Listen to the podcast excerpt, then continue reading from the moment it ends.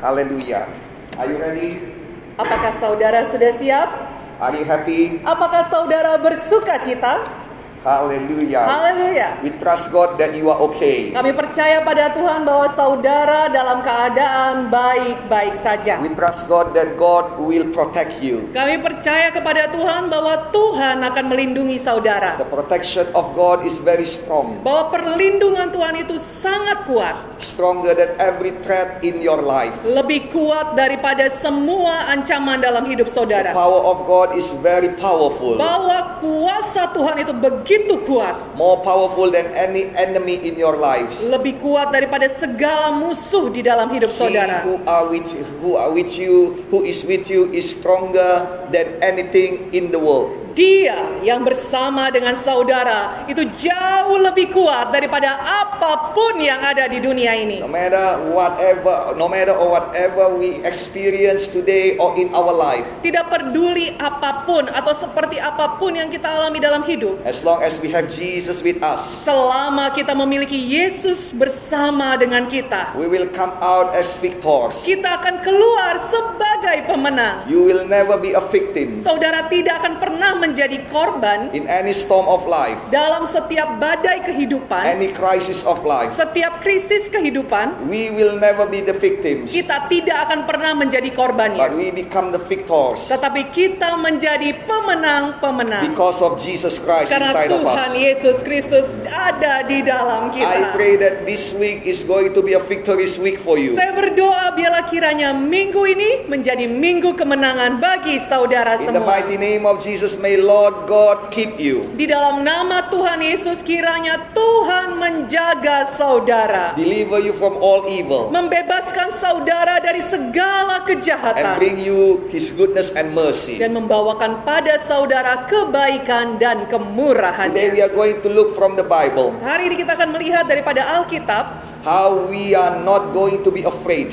Bagaimana caranya supaya kita tidak jadi takut and we have a very strong heart. dan kita memiliki hati yang kuat. We are not going to be timid. Kita tidak akan menjadi malu-malu atau takut. We are not going to be timid to the situation. Kita tidak akan malu-malu atau takut terhadap situasi. We are not going to become timid because of our enemy. Kita tidak mau menjadi malu atau takut karena musuh. We are not going to become timid because of uh, because of the oppression and the crisis. Kita tidak akan menjadi malu atau takut karena tekanan dan krisis. Because we know that the threat in front of us, Karena kita tahu semua ancaman di depan kita. it is really not not timid threat.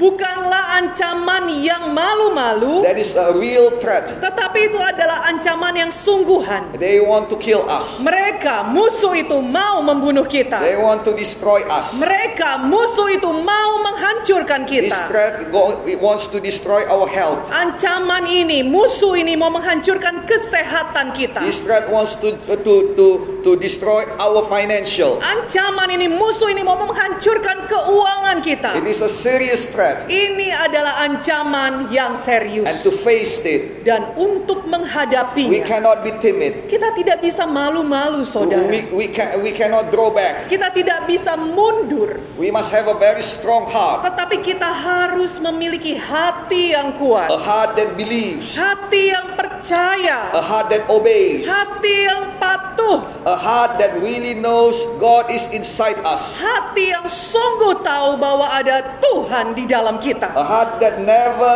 never, never, never wavering. Hati yang tidak gemetar. Really knows that God is going to vindicate us. Karena sungguh-sungguh hati ini tahu bahwa Tuhan akan membenarkan Yes, kita. crisis will come. Ya, memang krisis akan datang. As crisis will come to every man of God. Sama seperti krisis itu datang kepada semua umat, kepada hamba-hamba Tuhan. God, Kalau saudara adalah umat Tuhan, crisis will come to you. krisis akan datang pada saudara. But it is not to destroy you, Tetapi tujuannya bukan untuk menghancurkan, but to make you even better. tapi untuk membuat saudara menjadi lebih baik. To make you better than before. Menjadikan saudara lebih baik dari sebelumnya. Better than anybody else. Lebih baik daripada orang lain. Prepare you to a new place that God already prepared for you. Mempersiapkan saudara untuk naik ke satu tempat yang Tuhan sudah sediakan. Yes, the, the, the challenge will come like Goliath. Ya, memang tantangan akan datang bagaikan Goliat. He is serious to kill David. Oh, saudaraku Goliat itu serius. Dia memang mau membunuh Daud. He is serious to take over Israelites. Dia memang serius. Dia mau mengalahkan Israel. And David cannot be timid.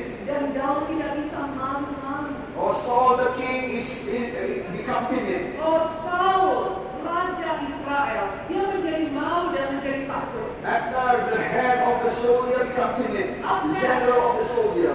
Abner, pemimpin pasukan Israel, menjadi takut. Oh, we cannot be timid. Oh, saudaraku kita tidak bisa takut. Timid people cannot be used by God. Orang yang malu-malu, orang yang takut tidak bisa dipakai oleh We must be strong, Tetapi kita harus kuat, just like David. sama seperti Daud. God needs strong men in the church. Tuhan butuh orang-orang kuat di gereja. God needs strong women in the family. Tuhan butuh wanita-wanita kuat di, di keluarga. God needs strong people in the city. Tuhan butuh orang-orang kuat di dalam kota. God needs strong church in this, this, this, this nation. Tuhan butuh gereja-gereja kuat di bangsa I do ini. not become timid in this kind of situation. Saudaraku, jangan jadi malu-malu, jangan jadi takut dalam situasi seperti Do not ini. afraid. Jangan takut, Do not do, do not back. jangan mundur, Do not close yourself. jangan menutup diri Do saudara, not cry. jangan nangis Do not saudara, jangan jadi malu, Be strong in the Lord. tetapi kuatlah di dalam Tuhan, In His mighty strength. di dalam kekuatan Tuhan. I pray that the mighty strength of God flows to your life. Saya berdoa bila kiranya kekuatan daripada Tuhan kita yang perkasa itu mengalir di dalam hidup saudara. Flows to your heart. Masuk dalam hati In the saudara. mighty name of Di Jesus. dalam Brother and sister, in the mighty name of Jesus. Bapak Ibu Saudara di dalam nama Tuhan Many Yesus. time in the times of crisis, Seringkali di masa-masa krisis. we look upon the crisis. Kita memandangnya kepada krisis. We look upon our situation. Kita memandangnya pada situasi kita. Many, many, many, many uh, uh, uh, uh, uh, uh, frightened story or frightened news in in in our our in in our midst. Kita melihat di sekeliling kita ada banyak kisah-kisah yang menakutkan, kisah-kisah yang meneror kita di sekeliling In kita. time of crisis, we often look for our needs. Pada masa krisis sering kali kita itu justru mencari kebutuhan kita. The threat that getting nearer to us Ketika ancaman itu semakin mendekat pada and the kita oppression in our heart. dan juga tekanan itu datang pada hati, Be careful berhati-hatilah. because this is the project of Satan. Karena ini adalah proyek daripada setan. That's why he make all in in time of in time of crisis. Itu sebabnya pada masa krisis He make it just like this dia membuat seperti ini. so that you will change your focus Sehingga saudara akan mulai mengubah fokus to how big Goliath is. dengan melihat seberapa besar Goliat If itu. you see from the Bible, Kalau saudara melihat dari Alkitab, when Goliath came, ketika Goliat datang, the Bible clearly written Alkitab jelas menuliskan how he looks like, bagaimana perawakan dari how Goliat. big he is, Seberapa tingginya Goliat, how tall he is, seberapa besarnya and Goliat, what is his weapon, dan apa senjata yang dibawa. how big is his weapon, Seberapa besar senjata yang dibawa. and how real is the threat. Dan seberapa nyata. This is happening all time of crisis. Saudaraku, ini terjadi dalam setiap krisis. Each time crisis come, it is just like Goliath came. Setiap kali krisis datang, itu seperti datangnya Goliat. We will see how big it is, Kita akan melihat betapa besarnya how how how how how, how frightened it is, dan betapa menakutkan how scary it is. Betapa membuat takut. So Satan change our focus. Jadi setan mengubah fokus kita. It is not to the to God to God uh, again. Kita tidak lagi melihat kepada Tuhan lagi. It is not to the will of God again. Kita tidak melihat pada firman Tuhan lagi. It is not to the promise of God. Kita tidak melihat lagi pada janji Tuhan. But to our problem, Tapi kita melihat pada masalah. to our mountains, Pada gunung-gunung persoalan to kita. our Goliath. Pada Goliat kita. But uh, so we forget Sehingga kita jadi the lupa word of God that says firman Tuhan yang mengatakan that all our problem bahwa segala masalah kita will not exceed our strength.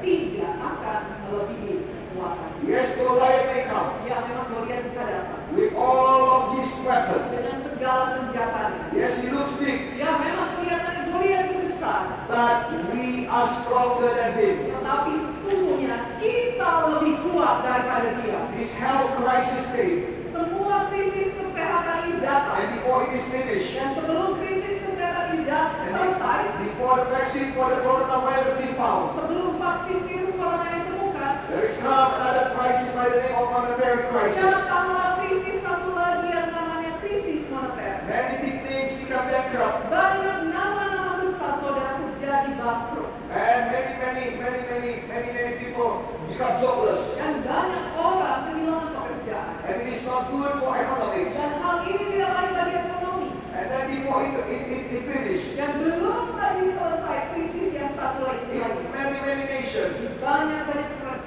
there are many stupid demonstrations. ada begitu banyak demonstrasi yang bodoh. This is not such a good time to demonstrate. Ini bukanlah waktu yang baik untuk demonstrasi. You are not helping at all. Karena saudara tidak menolong sama sekali. So what happened is, Jadi apa yang terjadi adalah crisis after crisis come. krisis demi krisis datang. So we, we, we change our focus Sehingga kita mulai mengganti fokus kita. and have a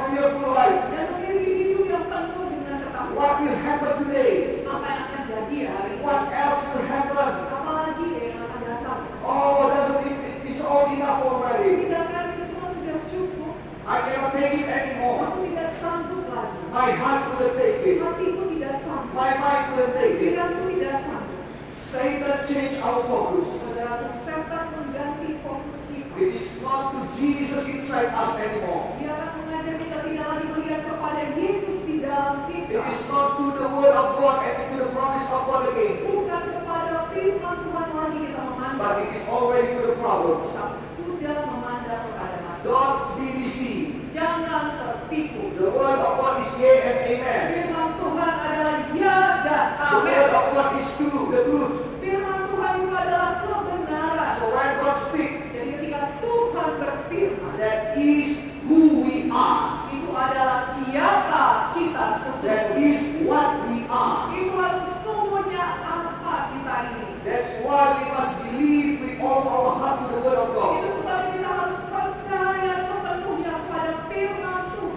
Said it won't exceed our strength, Kalau Tuhan yang berkata tidak akan kesanggupan kita, God is with His glorious power will protect and will make that every situation, every problem will not exceed our strength. maka Tuhan yang penuh kuasa dan kemuliaan akan memastikan bahwa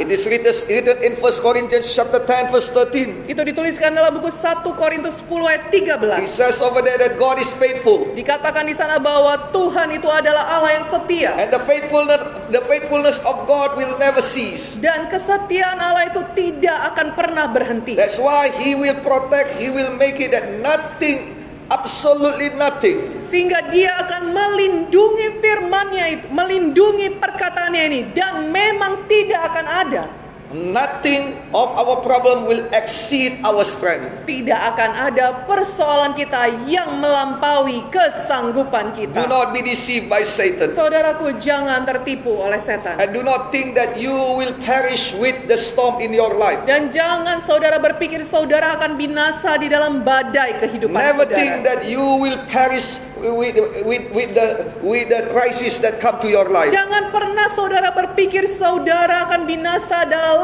krisis yang datang dalam hidup With saudara. Jesus, you will never perish. Karena bersama dengan Yesus saudara tidak akan pernah binasa. Not here in the world Tidak sekarang di dunia ini and not in the eternal life. dan tidak di dalam kehidupan yang kekal. With Jesus, your life will never will not perish. Bersama dengan Yesus hidup saudara tidak akan binasa. With Jesus, your business will not perish. Bersama dengan Yesus bisnis saudara tidak akan binasa. With Jesus, your family will not become will not be perished. Bersama dengan Yesus, keluarga saudara tidak akan binasa. With Jesus, your future will not be perished. Bersama dengan Yesus, masa depan saudara tidak akan binasa. With Jesus, nothing can be perished in our life. Bersama dengan Yesus, tidak ada yang akan binasa dalam hidup Let kita. us open our Bible from Mark chapter 4, verse 34 to 41. Mari kita buka Alkitab kita dari buku Markus 4 ayat 35 sampai I will 41. read it to you. Saya akan bacakan bagi saudara. Mark chapter 4, verse 35 to 41. Markus 4 ayat 35 sampai 41. On the same day, when evening had come, he said to them, Let us cross over to the other side. Pada hari itu waktu hari sudah petang, Yesus berkata kepada mereka, "Marilah kita bertolak ke seberang." Now, when they had left the multitude, they took him along in the boat as he was.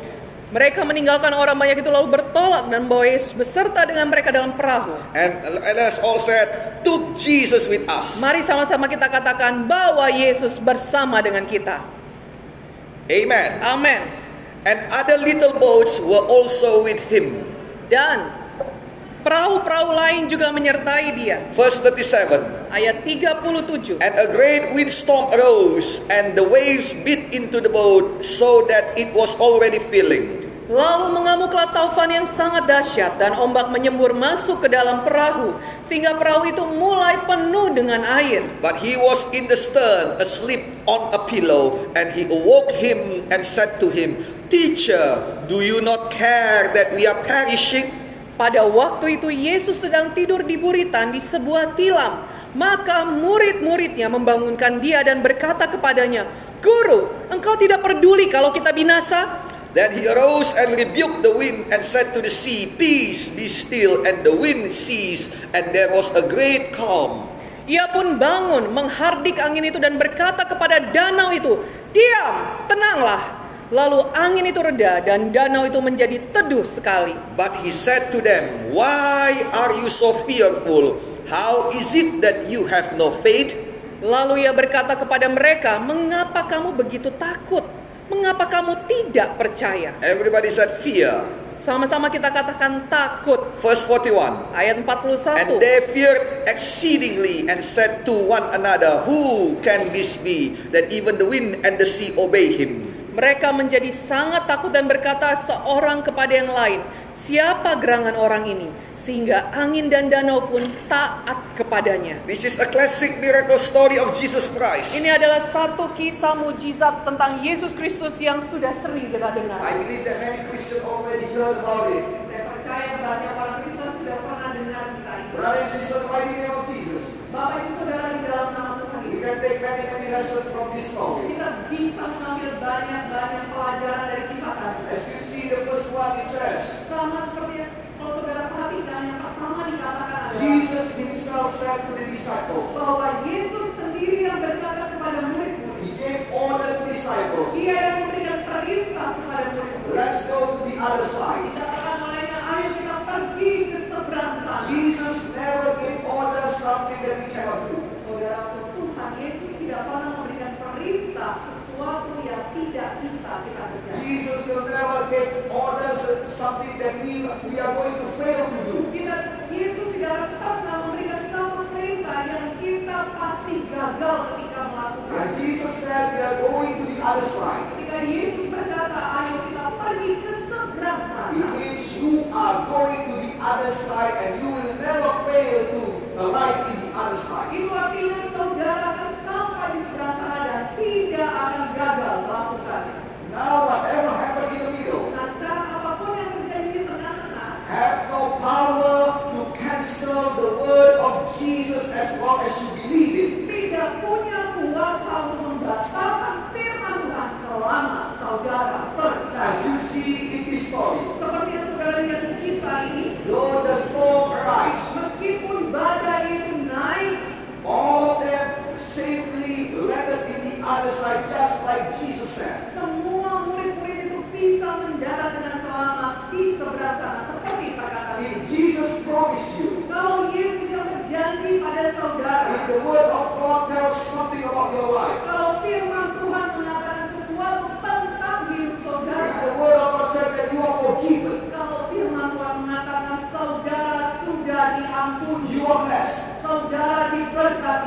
are be you are going to be elevated. Saudara akan diangkat oleh Tuhan. Your life is going to be changed. Kalau dikatakan firman hidup saudara akan diubahkan. Your future is full of hope. Kalau dikatakan firman Tuhan, hidup saudara penuh dengan harapan. And no matter what Maka tidak peduli apa pun yang terjadi. no matter whatever storm, Tidak peduli apa pun badai itu. no matter whatever whatever Satan do in the middle of, of the, the- in the middle of your life, Tidak peduli apa pun yang dilakukan setan di tengah-tengah kehidupan saudara. they just don't have enough power Mereka tidak punya cukup kuasa to cancel the word of God in your life. untuk membatalkan firman Tuhan di dalam kehidupan So keep on believing, Jadi tetaplah percaya, keep on doing good things, tetaplah lakukan hal yang baik. doing your part, Lakukanlah bagian saudara. and in places where you cannot do it anymore. Dan di tempat-tempat di mana saudara tidak bisa lakukan. As you see from the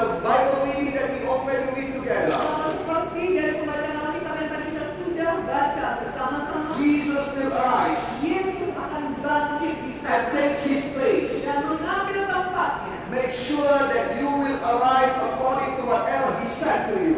memastikan saudara sampai di tempat seturut dengan apa yang dikatakannya pada saudara. Jesus will grant that his promise become reality in your life. Yesus akan menjaga agar janjinya dijadikan dalam hidup He will never let his word, his word in vain. Dia tidak akan pernah membiarkan firman-Nya itu Deuteronomy chapter 23 verse 19 says so. Dalam buku ulangan 23 ayat 19 dikatakan demikian. Jesus with all his power Bahwa Yesus dengan segenap kuasanya will protect his promise in your life. akan menjaga janjinya di dalam hidup saudara. And you with all of your power Saudara dengan segenap kuasa will protect your faith to the promise of God. akan menjaga iman saudara untuk sampai pada janji Tuhan. Knows that he cannot attack Jesus. He tried before and he failed. Satan knows that he cannot undo and cancel the word of God. Dan tahu dia tidak bisa membatalkan atau mem- membalikkan firman Tuhan. He tried before and he must he, he must submit to the word of God. Dia pernah coba sebelumnya dan apa yang knows that he cannot fight the word of God.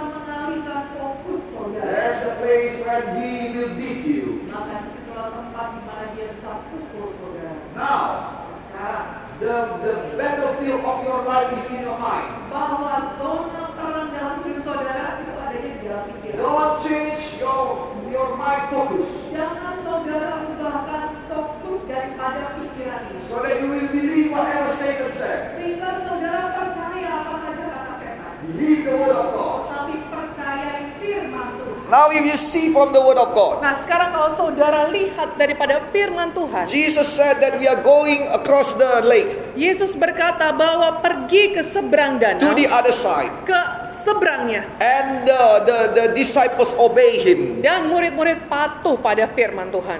Now, Nah, sekarang it is so, so, so disturbing adalah sangat-sangat mengganggu that we know that those who are who are obeying the word of God bahwa ketika kita mengetahui mereka yang patuh atau melaksanakan firman, still got storm in their life. ternyata masih bisa kena badai dalam hidup. Well, I would like to tell you, Oh, saya mau beritahu pada saudara. Jesus himself said Yesus sendiri berkata in John chapter 16 verse 33, dalam buku Yohanes 16 ayat It 33. is no matter whether you obey the word of God or you are a great sinner. Tidak peduli apakah saudara patuh pada firman Tuhan ataupun pendosa besar. It is it is no matter whe- whether you are a, a, a, a great bad people or you are a saint. Tidak peduli apakah saudara adalah orang yang betul-betul jahat ataupun orang yang betul-betul suci. No matter whether you are rich or poor, Apakah saudara kaya ataupun miskin. whether you are in the church or whether you are in the, in the bad places. Entah saudara ada di dalam gereja berada di tempat lainnya yang God jahat. Himself said, Tuhan sendiri mengatakan in this world, di dunia ini you, you will have tribulation. kamu akan mengalami aniaya. Oh, it is not, I don't like it. Kalau saya tidak suka. Well, you must accept it. No, Pastor, I don't like it because I don't know what is the difference between me, who who who are better, who guarding myself according to the word of God, and the the, the worldly people. Orang dunia? Oh, I already do my best to keep my faith alive. Saya sudah melakukan yang terbaik sehingga saya bisa menjaga iman saya terus menyala. I do my best to to keep the word of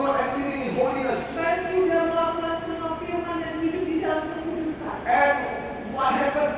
My life is just the same with the worldly people. Dan apa jadinya ini Pak? Oh hidup saya sama seperti orang dunia. Well, you are not the same. Oh saudara, saudara tidak. For sure, you are not the same. Sungguh saudara, saudara tidak sama. But Pastor, you said that all of us will have tribulation. Tetapi Pak Pendeta, semua tadi kata Bapak akan mengalami aniaya. Yes, it is true. Ya, memang benar. So what is not the same about it? Jadi apa yang tidak sama tentang you what is not the same. Beritahu apa yang tidak sama. The outcome of it is not the same. Bahwa keluaran daripada itu tidaklah sama. When you out of your crisis, Ketika saudara keluar dari krisis you saudara, become better. maka saudara akan menjadi lebih baik. But the worldly people out of the crisis, Tetapi orang dunia ketika keluar dari krisis, they become bitter. mereka menjadi kepahitan. Let me tell you what is the difference. Biar saya beritahu pada saudara apa bedanya. The comfort and the power along the way,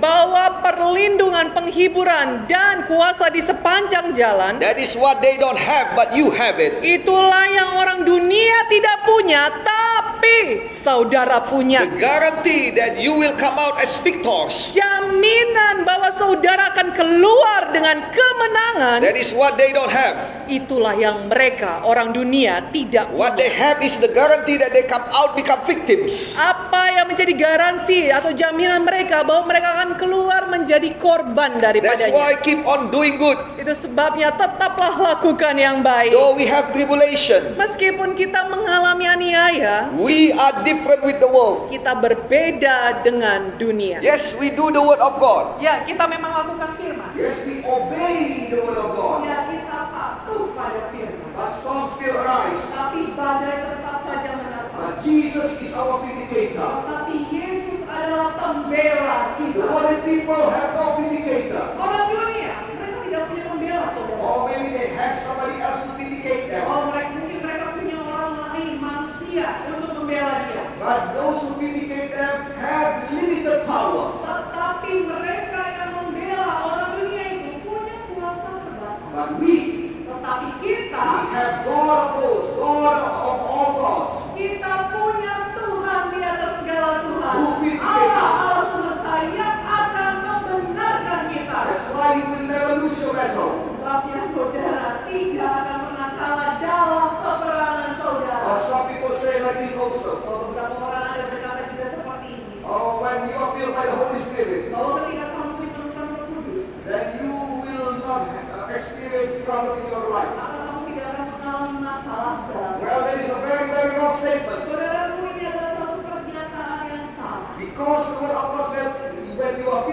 Sorry.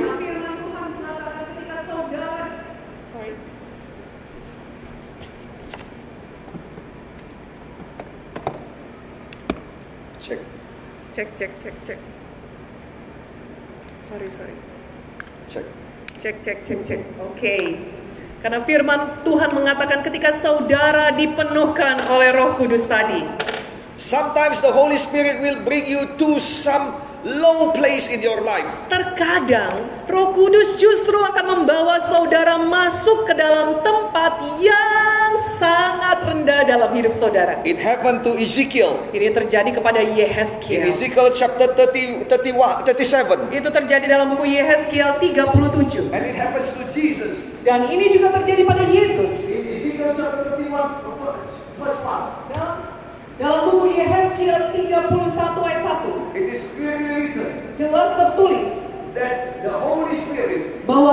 grupos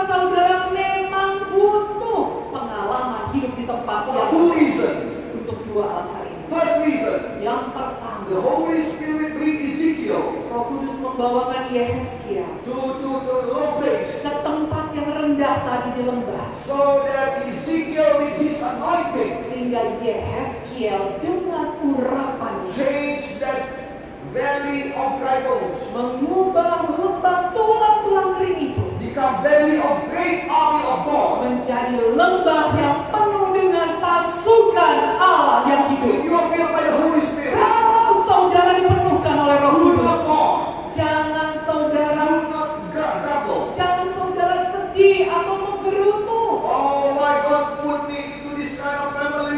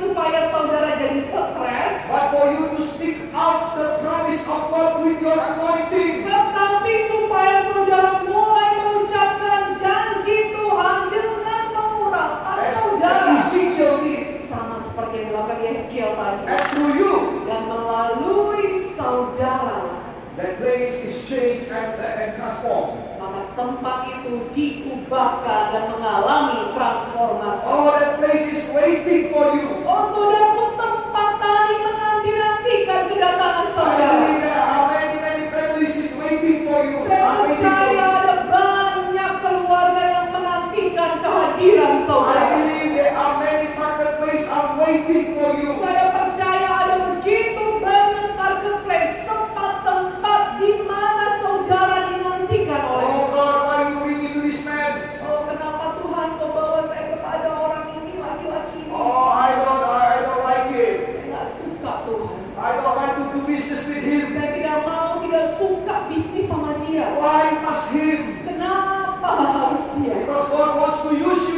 abuse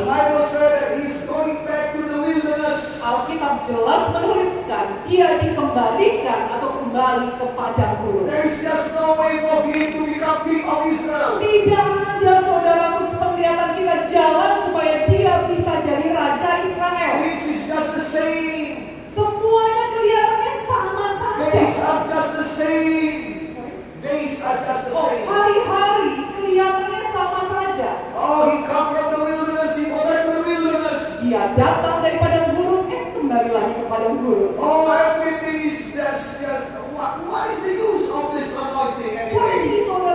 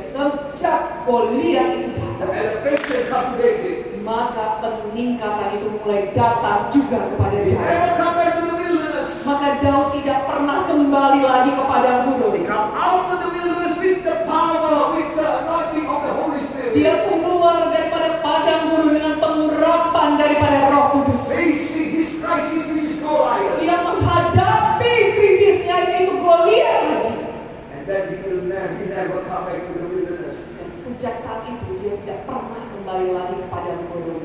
He is elevated, elevated, elevated, and eventually he become the king as what God promised. Dia naik, naik, naik terus sampai pada akhirnya dia menjadi raja di Israel. Now the crisis come is not to break you. Nah sekarang saudaraku krisis itu datang tidak untuk menghancurkan saudara. But crisis come. Tetapi krisis datang. So God can elevate you. Sehingga Tuhan bisa mengangkat saudara. And one more as a bonus for you. Dan satu lagi saudaraku sebagai bonus ya. Why crisis come? Kenapa krisis ini datang? Because God want to show you what lack inside of you. Karena Tuhan mau menunjukkan apa yang kurang dalam diri. Normal time dalam masa situasi yang normal.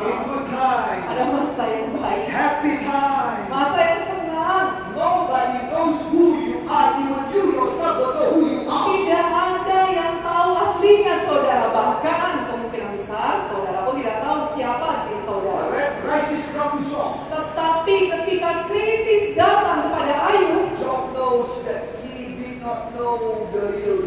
maka Ayub menyadari bahwa dia sesungguhnya tidak mengenali Tuhan yang sesungguhnya. He said, after so long I just hear about me from other people. Dia berkata, saudaraku, selama ini aku hanya dengar tentang kau Tuhan dari orang lain. But now I have seen you with my eyes. Tetapi sekarang ini aku melihat engkau langsung dengan Oh, mata.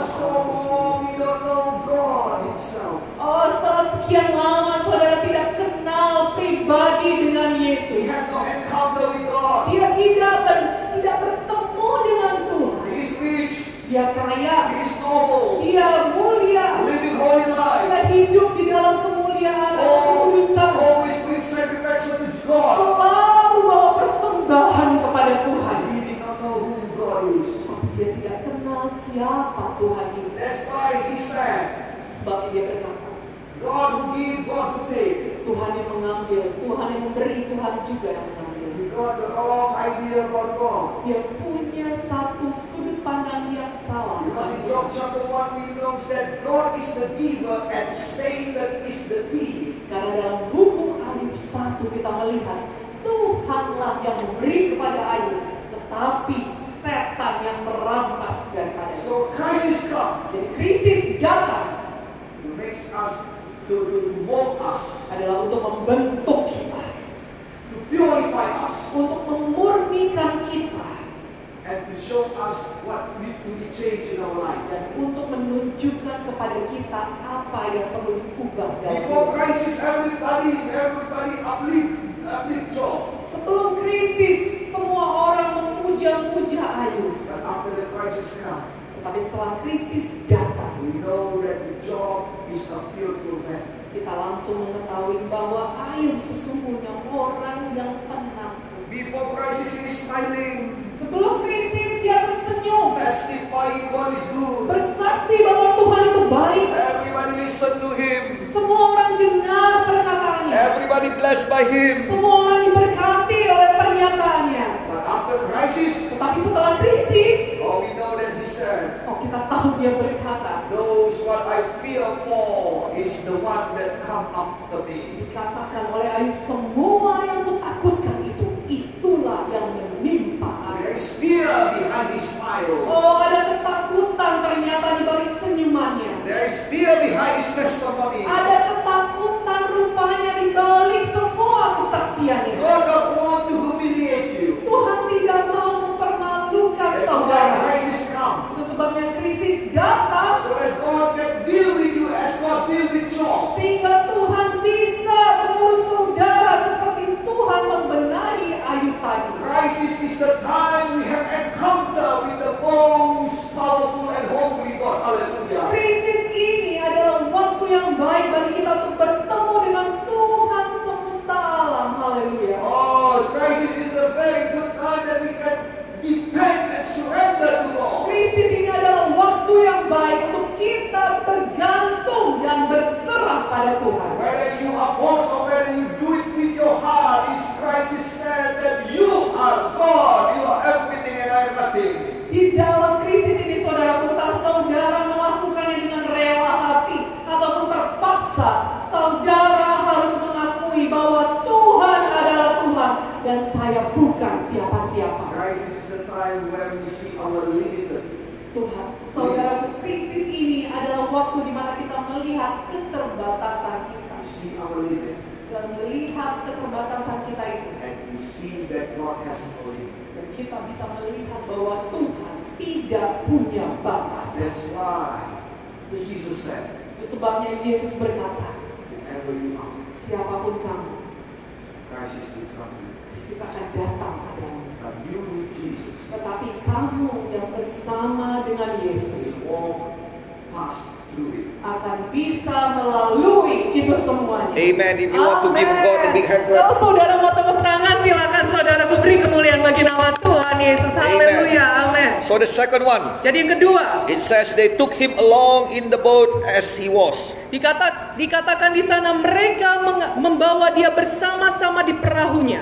So wherever you are in this time of crisis. Jadi di mana pun saudara pada masa krisis ini. Even be, even before crisis. Bahkan sebelum krisis. Take Jesus with you. Bawa Yesus bersama dengan saudara. He is your warranty. Dia adalah jaminan saudara. And John chapter 1 verse 1 says. Dan dalam buku Yohanes 1 ayat 1 dikatakan. That in the beginning was the word. Bahwa pada mulanya adalah firman. The word was with God. Dan firman itu bersama dengan Allah. And the word is God. Dan firman itu itu adalah Bring the word of God. Bawa firman Tuhan. Bring the word of God to your business place. Bawa firman Tuhan dalam tempat bisnis saudara. Bring the word of God in your heart. Bawa firman Tuhan dalam hati saudara. Bring the word of God in your mind. Bawa firman Tuhan dalam pikiran saudara. Live by the word of God in your spirit. Hiduplah firman Tuhan dengan roh saudara. He is the one who guarantee that we become victors in the time of uh, of crisis. Dialah pribadi yang menjamin kepada kita bahwa kita akan menjadi pemenang di dalam krisis. And yes, it says over there. Dan ya, dikatakan di sana. The storm rise. Bahwa badai itu datang menerpa. Now when the storm rise. Nah, sekarang ketika badai datang menerpa. You already bring Jesus with you. Saudara sudah bawa Yesus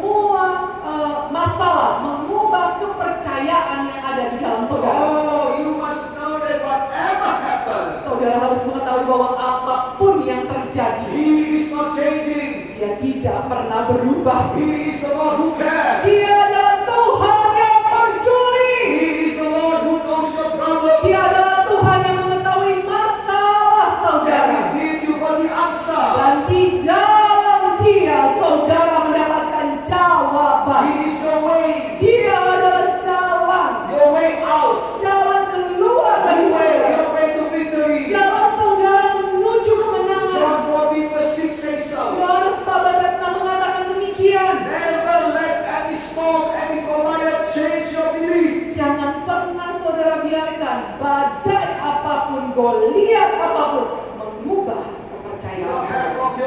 Jangan saudara dapatkan teologi yang salah. Yang kedua Murid-murid berkata kepada Yesus bahwa kamu Tuhan tidak peduli kalau kita binasa. They sure that Jesus will perish in this storm. bahwa Yesus akan binasa di dalam badai. No. Tidak, saudara. Jesus hold the storm with his hand. Yesus itu memegang badai dengan tangannya. He cannot be perished because of whatever he hold. Dia tidak pernah bisa binasa oleh apa sesuatu yang dipegang. Jesus is much more bigger than any storm of your life. Yesus itu jauh lebih besar daripada semua badai apa pun dalam hidup saudara. Stop. Stop insulting Jesus. Berhentilah menghina Yesus. Stop insulting Jesus. Berhentilah menghina Yesus. And start praising Jesus. Dan mulailah memuji Yesus. worshiping Jesus. Mulailah menyembah Yesus. Oh, but Jesus is full of understanding. Oh, tapi Yesus ini penuh dengan pengertian. Thank God for you. Puji Tuhan. When one of his disciples Ketika murid-murid waking up Jesus membangunkan Yesus tadi with all different and all, wrong theology. dengan semua teologi yang salah tadi, Jesus, wake up! mereka berkata, Yesus bangun, Oh, you don't care. kamu nggak We peduli are perishing. kalau kita binasa, My business is perishing. bisnisku binasa, My family is perishing. keluargaku binasa, my future is perishing. masa depanku binasa, My ministry is perishing. pelayananku binasa. And you don't care at all. Kamu nggak peduli ya Yesus? Oh, if I, if you said it to me, Kalau saudara bicaranya sama saya, I will just make sure that at least I kick you. saya akan pastikan paling tidak saya tendang saudara. Because you get it wrong, everything wrong about me. Karena saudara mendapatkan pengertian yang salah tentang saya. But Jesus is so in love. Tapi Yesus ini saudara penuh dengan kasih. Puji Tuhan. he did not get mad. Dia nggak marah. He did not come out and say, what do you say? Dia nggak keluar dengan perkataan apa kamu bilang tadi apa apa. So, so then what you say about me, huh? Ah, jadi kayak gitu time in front of my face so that you know what happened to you. Coba kamu bilang sekali lagi di depan muka aku ini supaya kamu tahu apa yang terjadi padamu. No, he did not say like that. Tidak, saudaraku. Yesus kita tidak He demikian. immediately wake up Dia langsung bangun and stood up dan and berdiri then calmed the sea. dan menenangkan eh, badai itu. Stop the storm. Yang menghentikan badai itu. What he wants to tell them Yang diberitahukannya kepada murid-murid is what he wants to tell you right now. adalah apa yang dia mau beritahu pada saudara sekarang. he don't want to debate with you with your stupid thought. Tuhan tidak mau berdebat dengan saudara dengan pemikiran saudara yang He wants bodoh. to arise and do his work in your life. Dia mau bangkit dan melakukan pekerjaannya di dalam hidup saudara. did he wants to say to you right now? Apa yang mau dikatakan oleh Tuhan pada saudara hari? Listen, my son, Dengarkanlah anakku. And see with your eyes. dan lihatlah dengan matamu sendiri. As long as I'm here, bahwa selama aku ada di sini nothing can perish you. tidak ada yang bisa membinasakan kamu. Nothing can make you perish. Tidak ada yang bisa buat engkau binasa. No storm, Tidak ada badan, no tidak Goliath, ada Goliat, no valley, tidak ada lembah, not even that tidak bahkan kematian can sekalipun make you perish. yang bisa membuat kamu Can make binasa. your business perish. Yang bisa membuat bisnis kamu Can make your binasa. family perish. Yang bisa membuat keluarga Can make your future perish. Yang bisa membuat masa depanmu As binasa. long as I am with you, Selama aku menyertai engkau, kata Tuhan. nothing, absolutely nothing, Sungguh tidak ada sama sekali can make you perish. yang bisa membuat engkau This is how binasa. wonderful Jesus is. Demikianlah indahnya dan ajaibnya Yesus And this is what is my prayer. Dan inilah doa saya. May God arise for you even today. Biarlah kiranya Tuhan bangkit bagi saudara hari ini. Calming the storm in your heart. Menenangkan badai di dalam hati Calming saudara. the storm in your mind. Menenangkan badai dalam pikiran saudara. Calming the storm in your days. Menenangkan badai dalam hari-hari saudara. Calming the storm in your workplace. Menenangkan badai dalam tempat kerja kerja In saudara. storm in your ministry. Menenangkan badai dalam pelayanan saudara. the storm in this church. Menenangkan badai di dalam gereja ini. Storm in this country. Menenangkan badai di dalam bangsa ini. And show all of us. Menunjukkan kepada kita Show semua. the church of God. Menunjukkan kepada gereja Tuhan. Show for all of us that bring Jesus and bring the promise of God in our life. Menunjukkan kepada kita semua yang membawa Yesus dan semua janji Tuhan dalam hidup kita. Show all of us who keep His word alive and well in our heart. Menunjukkan kepada kita semua yang menjaga firman Tuhan dan iman tetap hidup dalam hidup kita. That if Jesus is with us, Bahwa kalau Yesus beserta dengan kita, nothing can make us perish. tidak ada yang bisa membuat kita binasa. Oh, this is happened to David. Oh ini terjadi kepada Daud. Oh, David said, Daud berkata, They give me trouble since I was young, mereka membawakan masalah kepadaku sedari muda. but they cannot beat me. Tetapi mereka tidak bisa mengalahkan saya. And he said again, Dan dia berkata lagi, Though I walk through the valley of death, sekalipun aku berjalan lewat lembah bayang-bayang maut, I fear no evil. tidak takut. The reason is, Alasannya adalah for you are with me. karena engkau Tuhan menyertai aku. God is with you. Tuhan menyertai saudara. Bring Jesus with you. Bawa Yesus bersama dengan Now, this is what I want to tell you. Sekarang ini yang saya mau beritahu.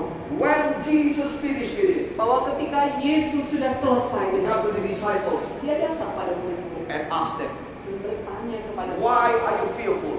Kenapa kamu takut? Now, sekarang the word of fear in this in this in, in, in this in, in this situation, in this whatever Jesus said, at this time Jesus said, kata takut di dalam situasi ini it is different with the word fear after after it, the second one. adalah berbeda dengan art dengan kata asli atau bahasa asli takut selanjutnya. The, the fear when Jesus said, Why you are so fearful? Kata yang dikatakan oleh Tuhan Yesus ketika kenapa kamu takut taken bahasa from aslinya is taken from the original word, diambil daripada bahasa aslinya which is delos, yaitu Deus. which means Yang artinya timid. takut tadi seperti tak eh, malu seperti segan segan. Going back, mundur. Closing himself. menutup diri. And you know what happened? dan saudara tahu apa yang jadi? Jesus asked, Yesus bertanya In this kind of storm, pada badai seperti ini why do you timid? kenapa kamu jadi mundur segan mundur atau malu? Now, nah sekarang. this is explained. Ini menjelaskan why Jesus sleep. kenapa Yesus jadi tidur. Because because uh, when I read this this verse of the Bible, karena ketika saya membaca kisah ini dari Alkitab it is really contradictory adalah sangat bertentangan with what Psalm said. dengan apa yang dikatakan oleh buku Because Mazmur. Psalm said, Karena buku Mazmur mengatakan bahwa Tuhan kita tidak pernah tidur. But this time Jesus is asleep. Tetapi kali ini Yesus tidur. Why? Kenapa? Because He already give everything to you.